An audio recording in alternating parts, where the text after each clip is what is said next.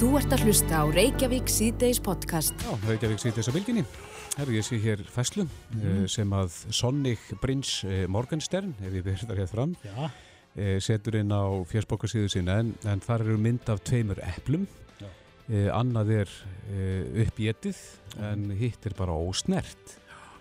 Og sagan er svo að, að eh, þetta epli, eh, þar að segja þetta ógetna var sett út fyrir einhverjum dögum og uh, til að gefa fuglunum en fuglarnir liti ekki við því Já. svo var annað epli sett þarna við hliðina og uh, það var sem sagt úr nærumhverfuna einhver bóndi þarna sem að ræktar uh, svona lífræn epli ekkert búið að meðhandla það öðru leiti Nei. það var sem sagt fuglarnir hámuðu það í sig já. Nú er mitt ávöxtur við það. Jólaeplin eru komin í Öslanir, var einu sem ég sagt, þegar við vorum ungir. mm -hmm. En, en eh, Já, maður spyr sig já, fyrir maður ekki spyr- þorgir Já, ef að fuglarnir viljið þetta ekki já, af hverju ættu við að borða þetta? segi það. Er þetta stílabóð frá fuglunum? Já, Ef við náum Guðriði Helgadóttur uh, í, rétt í landhelgi upp í leifstöð við það stíð upp í flugvel, kom til sæl komið særi. Hvað segir þið með þetta? Pink Lady epli, það er nú, þau eru nefnt þarna á nafn Mm uh, Hvað er það við eplin sem að fuglarnir fúlsa við? Það geta náttúrulega verið ímsar ástæði fyrir því og eitt af því sem að mann þetta í hug, það getur til dæmis bara verið liturinn.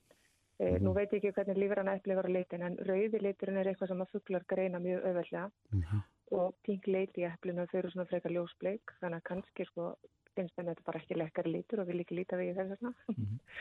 en svo er það líka oft hann með sko lífrann epli. Þess sérstaklega eru guðmur lífra, eh, guðmur lirki sem eru oft þessi sem eru nótið lífrætni ræktun að þau eru svolítið bræðsterkari, það er oft svona meiri ilmur, meira bræð og það getur hennilega verið eitthvað svoleið sem að fuglar er að sækjast í. En það var ekki eins og búið að smakka á hennu sko. það var ekki Nei.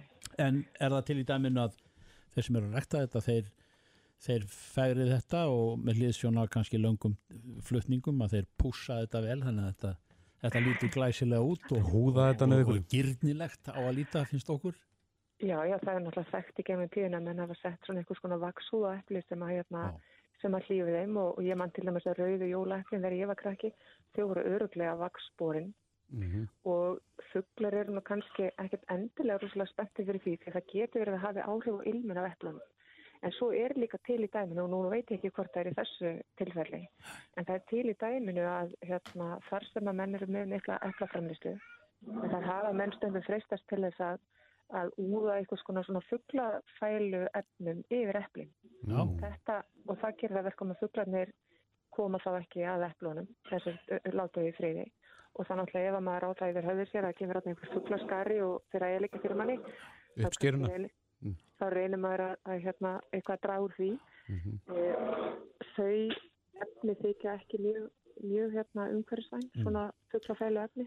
En eru ávöxtir eins og eplu og appelsínur eru í sumum tilveikum uppskeran hverju sinni sprautuð með uh, vaksta hraðandi efnum eða, eða einhverju, einhverju geraðu betur á bragði eða eitthvað slíkt. Er eitthvað fyrktað í því? Já, elsku Karlinn, það er alltaf verið að fykta eitthvað. Eitt af því sem hefur verið fykta svolítið í, í eplum, sérstaklega, það er hérna efni sem er kallað Smart Fresh, sem að er hérna, það er þannig að, að epli þegar verið að þroskast og gefa þau frá sér svona lofttegund sem er kallað öldrunarhormón, það er bara náttúrulegt í umhverfinu. mm. og þetta er svona, ég tæki sem dæmi, þið setja epli og banana saman í skálaborðinu að það gefa eplin frá sér þetta hormón og það enda með því að banan þetta er að þeir þroskast ótrúlega hratt og verða eiginlega bara ónýtur á engum tíma meðan að eplin eru bara fín Já, og sama einskýrist þegar maður setur epli hjá afskortum blómum að þá sem sagt hæfur þetta hormón áhrif á blómi þannig að þau fölna miklu fyrir en ella. Og þetta hefur líka áhrif á eplin eh, en þetta smart fresh efni sem er úðað yfir epli mjög víða að það hérna kemur í veg fyrir það að epli þekki þessa lofttegund í umhverfinu. Er Þannig að það fattar ekki að það er að fara eldast. Þetta er, þetta er svona, hérna, þetta er, hvað maður segja, lífsins elixír. já, ég, það er bara fegur að samkeppni í ávastakorfinni. Nákvæmlega og það gera það að verkum að epli lítur alveg fullkomlega út og það getur ennst hann alveg bara í óratíma. En svo þegar maður skerða það í sundur að það eru gammalt að þára kannski sko ónýtt innan að maður sér það ekki endilega utan á þessu. mm En þetta efni má ekki nota í.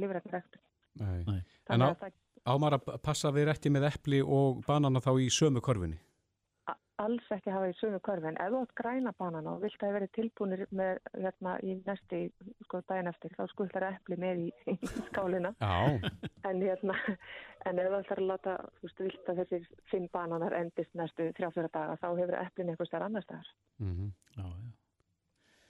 þannig að það Já, getur verið ímsar ástæðir Já. Hmm. og, og aðrir áveistir við nú bara tala um eh, já, bananar og epli, appisínur og, og vínber og annað melónur og vindar fín þetta, melónur og vínber fín þetta getur allt haft áhrif á hvert annað Já, já, það getur gert það og þess vegna er bara sniðut að, hérna, að skoða svolítið og, og, og kynna sér það hvað er sniðut að geima saman. já, Suma ávestu viljum við geima í kæli og meðan annað viljum við geima á borðinu og hérna, þannig að það er, það er alls konar pælingar í kringu það. Mhm. Til dæmis eins og tómata og gúrkur og papirikur sem er best að geima á borðinu meðan að eplina þau geimast best inn í ískap Já. í meiri kulda. Á að geima gúrkur og svona upp á borði. Já. Já, allir flesti geimi þetta inn í ískap. Jú, en þetta er svona, þetta er alltaf algengt að þessu gúrkan þólir alveg að vera við svona kannski 12-13 gráður Já, og gúrka er svona ávistu sem er fljótur að innfotna. Þannig að þetta nú í, í, í því tilfelli þá náttúrulega þarf maður að brjóta otta af áliti sínu og hafa hana í plasti bara þannig að hún skemmist ekki. Þá eru við að koma í vekk fyrir matasóun með því að nýta plast já, uppi á, á borði. Upp á borði. Þannig þannig að þetta eru hvað, hérna, agúrkur, tómatar og, Paprikur. Paprika, og já, paprika. Já. já. Þetta heldur bræðgæðinu sínu miklu betur ef þetta gengur upp á borði. Og svo er Já. þetta líka innan feilingar þannig að þá er maður líklega til þess að stökka til og fá sér svona ávust heldur en hérna eða, eða við náttúrulega flokkun tómat og gúrkur sem kremmiti þó þetta sé nú græsafræðilega ávistir. Mm En maður er líklega til þess að, að seilast í þetta ef þetta er á borðinu eða, eða börnum manns líklega til þess að gæða sér á svona gumulagi þar. Já, hvað með kálið til dæmis? Kál er best að vera með í kæli, Já, þá er bara að tala um er þrjár fjóra gráður eitthvað já, og af ávöxtunum eplin í ískap. Mm Og vínberinn og, og ber almennt bara gott að geima svona inn í kæli. En appelsínur. Uh, sko, appelsínur eru nú trópiskir ávastir þannig að það ætti nú að vera alltilega að geima þær á borðinu en það er Mhm. samt eitthvað við kalda appelsínur sem við veist alltaf dátti heilandi Já, og, og bananar upp á borði. upp á borði Já, en, ek en ekki hjá eplunum. Nei, akkurat. þetta er eh, mikil fræði grein, heyrðum við. Já. En, en ef við byrjum, eh, endum það sem við byrjuðum, þetta með eplin sem að hérna, fuglarnir fúlsa við, eigum við að taka það sem stílabót til okkar, eða ef að, ef að fuglarnir viljið ekki, er þetta þá eitthvað fyrir okkur? Ég veit það nú ekki alveg matarsnakkur okkar og fugla er nú ekki að öllu leiti algjörlega svo sami. Nei, uh, en ég held að bara þegar maður er að fá sér ávasti þá er maður að treysta líka í skilningavitum maður er að skýrið til sundur þefa og ef manni finnst til lyktin og bræðið gott þá á maður bara að láta það já. Já, svo bara, svo bara gleðileg jól. Allt, og svo bara er góður Hver eru Helga Dóttir, garrettjúfræðingur, stödd upp í leifstöð á leið upp í flugvel, Hver- hvert á að fara? Ég er að fara í, í húsnara árlof með frængum mínum Já, það var góða Það er þar. Já, takk Það fyrir var það gott. Og takk fyrir spjallið og góða helgi. Já, takk fyrir bless. leið Bless, bless. Þú ert að hlusta á Reykjavík síðdeis podcast. Það eru margir sem að horfa til norðurskautsins í heiminum og margar ástæður líka þar að baki og, og auðvitað höfum við haf, haft okkur lítilegi frammi. Landfræðilega býður því heim og svo höfum við haft svona öttulega menn eins og Óla Ragnar Grímsson fórsetta Íslands til þess að reyðja brautina og svona þessum á vettvangi svona alheims stjórnmálana en uh, uh, þá kosum það hjá samtökum atin lífsins að mér skilst að, að Heiðar Guðjónsson fórstjóri Vodafone og með meiru og, og sömuleiðis er búin að fá titilinn já, framkvæmda stjóri efnahagsráðs Norðurskauts. Hef ég þetta allt saman rétt Ekki þeir eru svona, ég er reynda formaður efnaðsráðs Norðurskautsins. Það heitir á ennsku Arctic Economic Council. Já, og það, það er Norðurskauts ráðið, það er svona 20 ára rúmlega félagskapur. Mm. það er átta þjóða sem eiga land helgi að Norðurskautinu mm. og það er sem sagt Norðurlöndin og svo Kanada, Bandaríkin og Rúsland Mm. Hvar eru við stödd á, á þessari vegferð sem að augljóslega er býrum aukin þunga í alheimspolítikinni Já, það er rosa margt að gerast. Ég mm -hmm. gaf út bók 2013 sem heitir Norðurslóðasók og þar var ég svona spá í framtíðina og það er miklu meira búið að gerast heldur en ég hafði ímyndað mér á þeim tíma. En þá þegar bókin kom út, þá voru nú margir sem segði að ég var alltaf bjart sín. En eins og skipaumferðum svæðið, uppbygging innvið á svæðinu, ég meina, við sjáum að hafa verið að reysa þrjá nýja flugvelli núna á Grænlandi, bara okkar næsta nágrannaríki. Uh, síðan er bara vinsla á ólíu og gasi og, og alls konar námavinsla en svo ekki síður bara veiðar og, og landbúnaður meir sér á svæðinu er að taka stórstígum framförum. Já. Landfræðilega Íslands í þessu öllu býður því náttúrulega heima þetta verður hvað útstöð eða segja, já þjónustu miðstöð. Já, þjónustu miðstöð, já. Vegna þess að við erum náttúrulega þannig sveit sett, við erum með nýstu höfuborg heims, Reykjavík og uh, við erum uh, frábær getur maður sagt þjónustu miðstöð fyrir norður skautið hérna allansafsmegin mm -hmm. vegna þess að við erum íslausar hafnir allt áraðin kring við erum með gríðarlega vel tengdan flugvöll við erum með rosalega þróað raforkukerfi og heilbreyðiskerfi mm -hmm. þannig að við getum hjálpað til við að nýta auðlindir norðursins á ábyrgan og sjálfbæra nátt mm. Erum við að tala um hafnir eins og hvað finna fjardarhöfn eða, Já, eða, eða fleiri flugvelli Já, en svo ef við horfum núna bara á skipaumferðina sem er að aukast alveg svakalega um norð-austurleðina það mm. þýðir í raun og veru að sigla til dæmis frá stærstu höfn heims í Shanghai mm. staðis að sigla um Indlandshafið og Súaskurðin og Midjarahafið og síðan áfram til Rotterdam að þá faraði bara beint norður og fara í gegnum Beringsundið og norður fyrir Rúsland, norður fyrir Sýbirju og, og þá leðina mm. að þá stýttur siglingatíman úr 27 dögum cirka í 16 og þetta gerir það að verku líka svona skurðir eins og Suez þó að sé verið að stækka hann að hann er náttúrulega stíblaður, það er svo mikil umferð mm -hmm. að þetta opna nýja siglingalið oh. og ef maður skoðar hvernig til að mynda bandariska flótanum er dreift alþjóðlega þá stýra þeir í raun og veru Panamaskurðinum og Suezkurðinum, þeir eru með rosalega her viðbúna þar mm -hmm. hvernig ætla þeir að stýra síðan umferð um norð-östuleðina þeir eru náttúrulega næst í nágranni hérna með Alaska, hínum með við Beringsundið mm. en Atlasafsmegin, hvað er ætlað þeir að koma sér fyrir? Myndu þeir vera með höfn í Nóri, ég tel ekki vegna þess að það er bara hafnar aðstæði mjög takmörkuð í Nóri, mm. ég meina geti bandaríski hérinn ákveðið að nota finna fjörsum höfn, ég tel alveg bara þessu meir sé að líkur á því mm. Já, Já.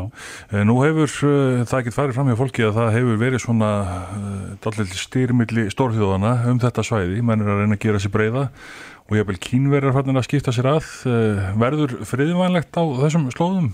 Já, það hefur verið það en ég, ég ætla svo sannlega að vona að það breytist ekki vegna þess að það sem er að gerast núna til að mynda á næstu tíu árum í Asju að þá, sérstaklega í Suðaustur Asju að þá munu hátt í tveir miljardar manna færast úr fátækt og upp í miðstjætt þannig að þeir koma inn í neyslu samfélagið alþjóðlega, tveir miljardar mann mm. og þeir þurfuð að verða sér út um orku og verða sér út um hráverur og verða sér út um mat og annað þýjunleikt þannig að fluttningaleiðirnar til og frá þessu svæði er alltaf að vera mikilvægur og mikilvægari.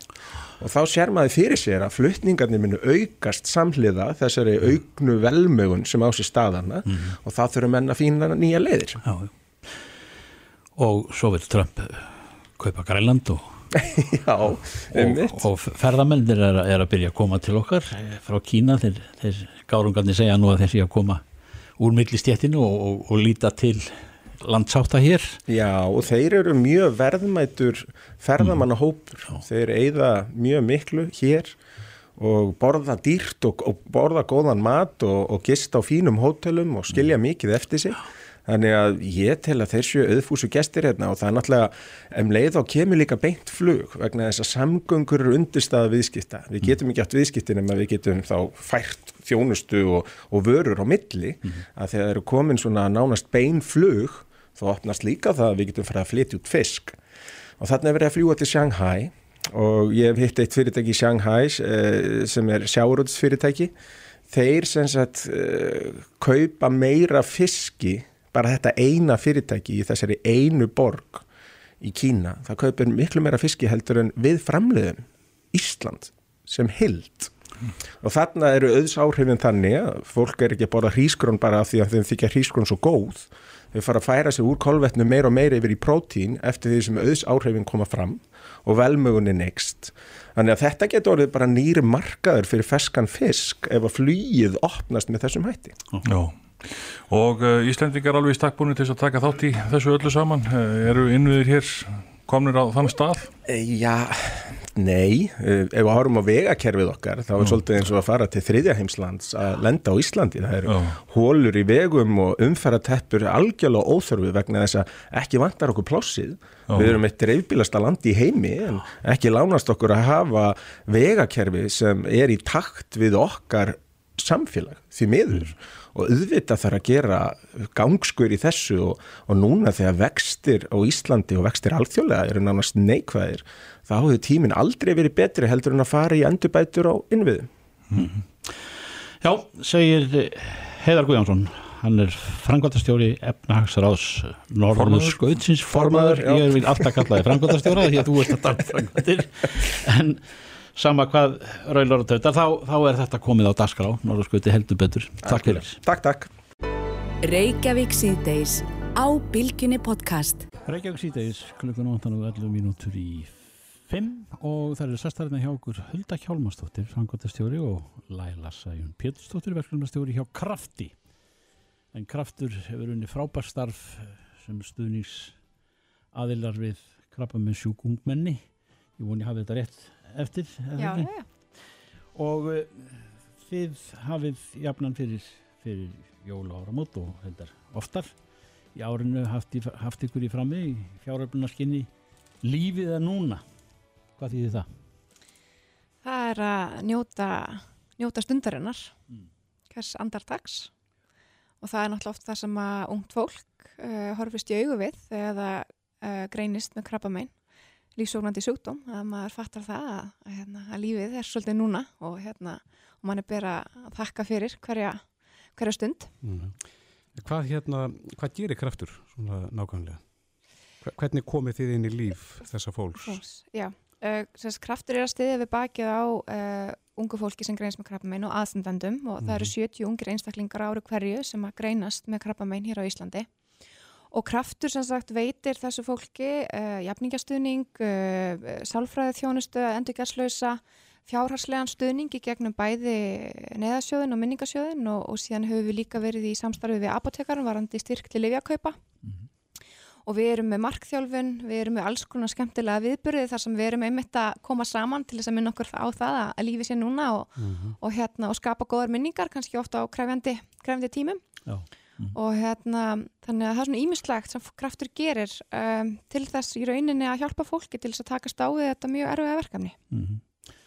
Að er uh, sko nú hefur það verið sagt að að vera greindu með krabba minni er ekki dóma, dóiðadómur í dag eh, lífslíkur hafa aukist ef ég skil máli rétt er það sagt að Já, algjörlega, þetta er búið að breytast alveg svakalega mm. undan fyrir um árum bara og það, veist, það var alltaf þannig að þú greindist með krabbmein þá var þetta bara svona ups, það bara það var eiginlega bara ups auðvitað er það alltaf sjokk og ég veit að maður má kannski ekki að nota þetta orðin ég ætla ekki að gera það samt. Við erum svolítið mikið búin að vera að nota bara fokk í maður krabbmein mm -hmm. því að þetta er að fyrsta sem þetta eftir í hug.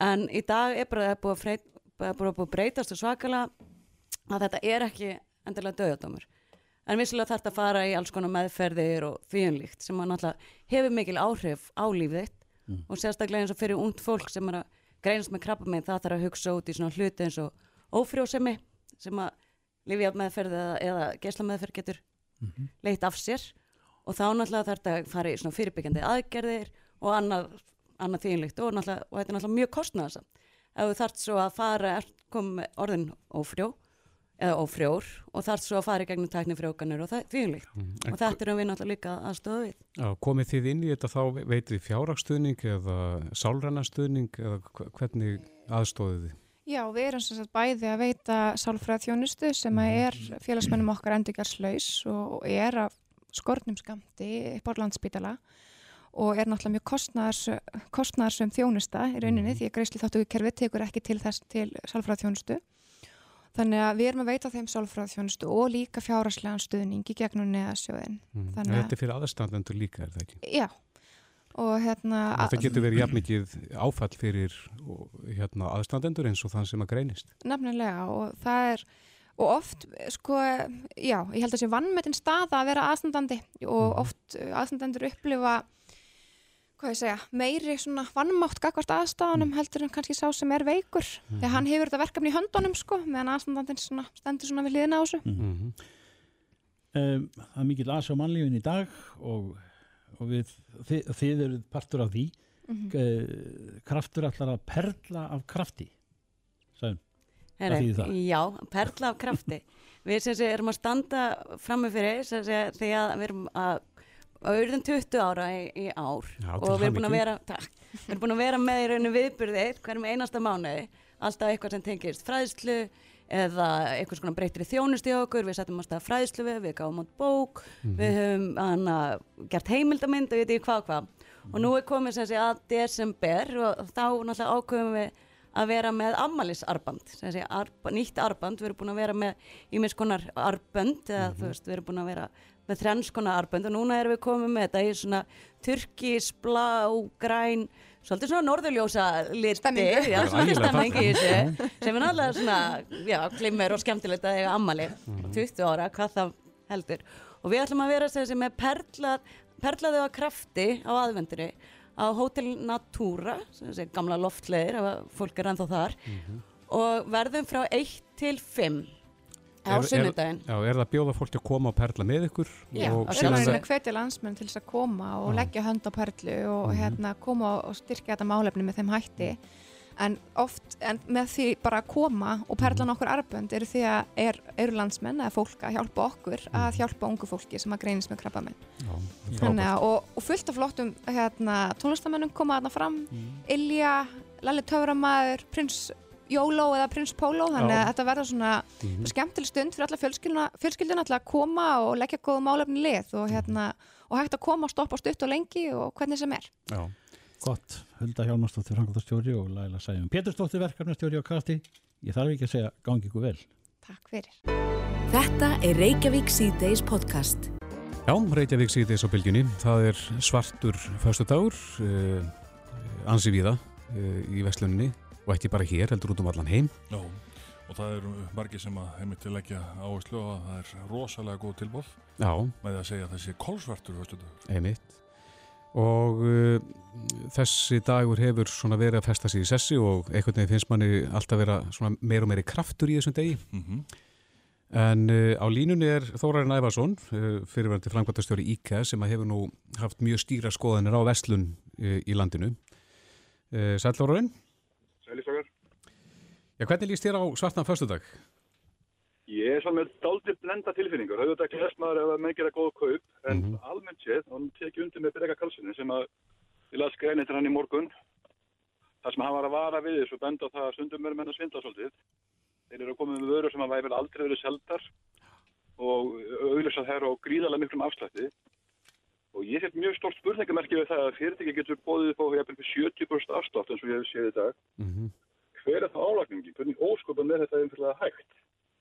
Ég maður að haldið að 20-25% afsláttu væri í sjálf og sér sko, þá var menn komnur upp að ystu mörgum en En eru mér ekki bara að taka þá einhvern uh, ákveðin fjölda og svona bjóða góð kjör?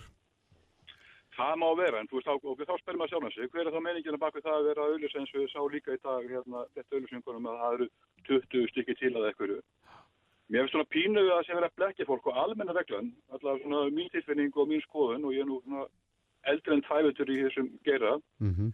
er það að menni ekkit voða mikið verið að hringla í verðum.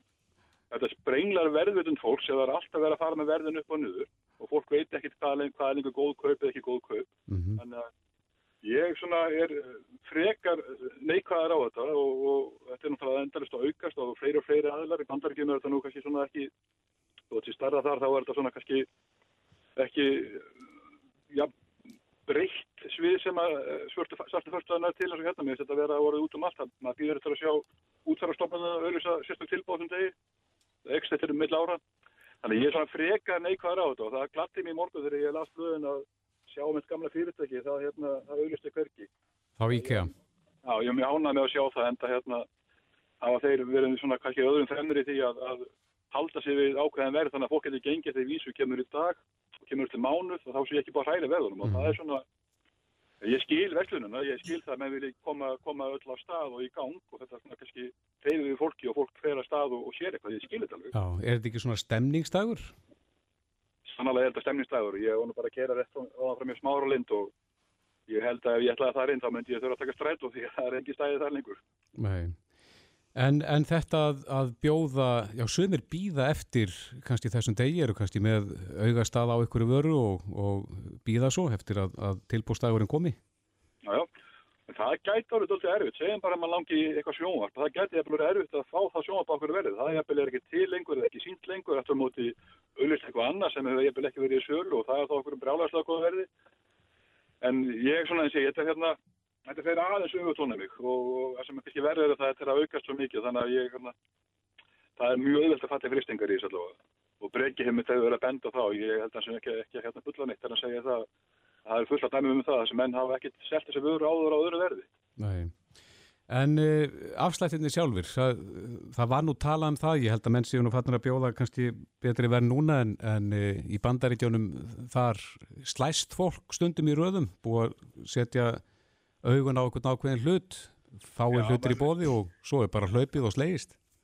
Það eru því séð myndir af konum að slást um brúðarkjóla og hérna, jafnvel ekki búin að máta þá, sko, þannig að það myndir svona ákveðin hysteríja hérna, í þessu, en þar eru að tala um feikilega mikla afstætti, en almennt séðstrókar, á reglan að vera svo að menn kaupi vöru inn, selja nokkur ákveðin verðum með ákveðin framleg og síðan fyrir þessum ári, cirka bát, þá séu við að hæfa að hafa útsölu. Þá er þetta að selja gamla byrði til að fá að losa um pláss fyrir nýjar.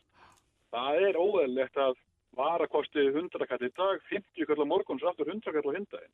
Það er ekki, það er ekki eðlilegt. Þannig að ég er, svona, ég er kannski gammaldags og, og ferhaus, en ég finnst þetta að vera ekki alveg nógu góð þróun og sérstaklega í ljósið þess að, að þau yfirvölda þeirra aðalega sem eru að fylgjast með þessu fyrir okkur benda á það að það sé misbrestur á þessu. Já, einhver dæmi um það heyrum við í dag. Já, þú veist og það er sem gerst ofta áður. Mm -hmm. Ekki bara í tengslu við svarta höfstutag, bara í tengslu við, við útsölur og, og, og það er neytandarstofu og neytandarsamtökinn þurfa að vera mjög vakandi.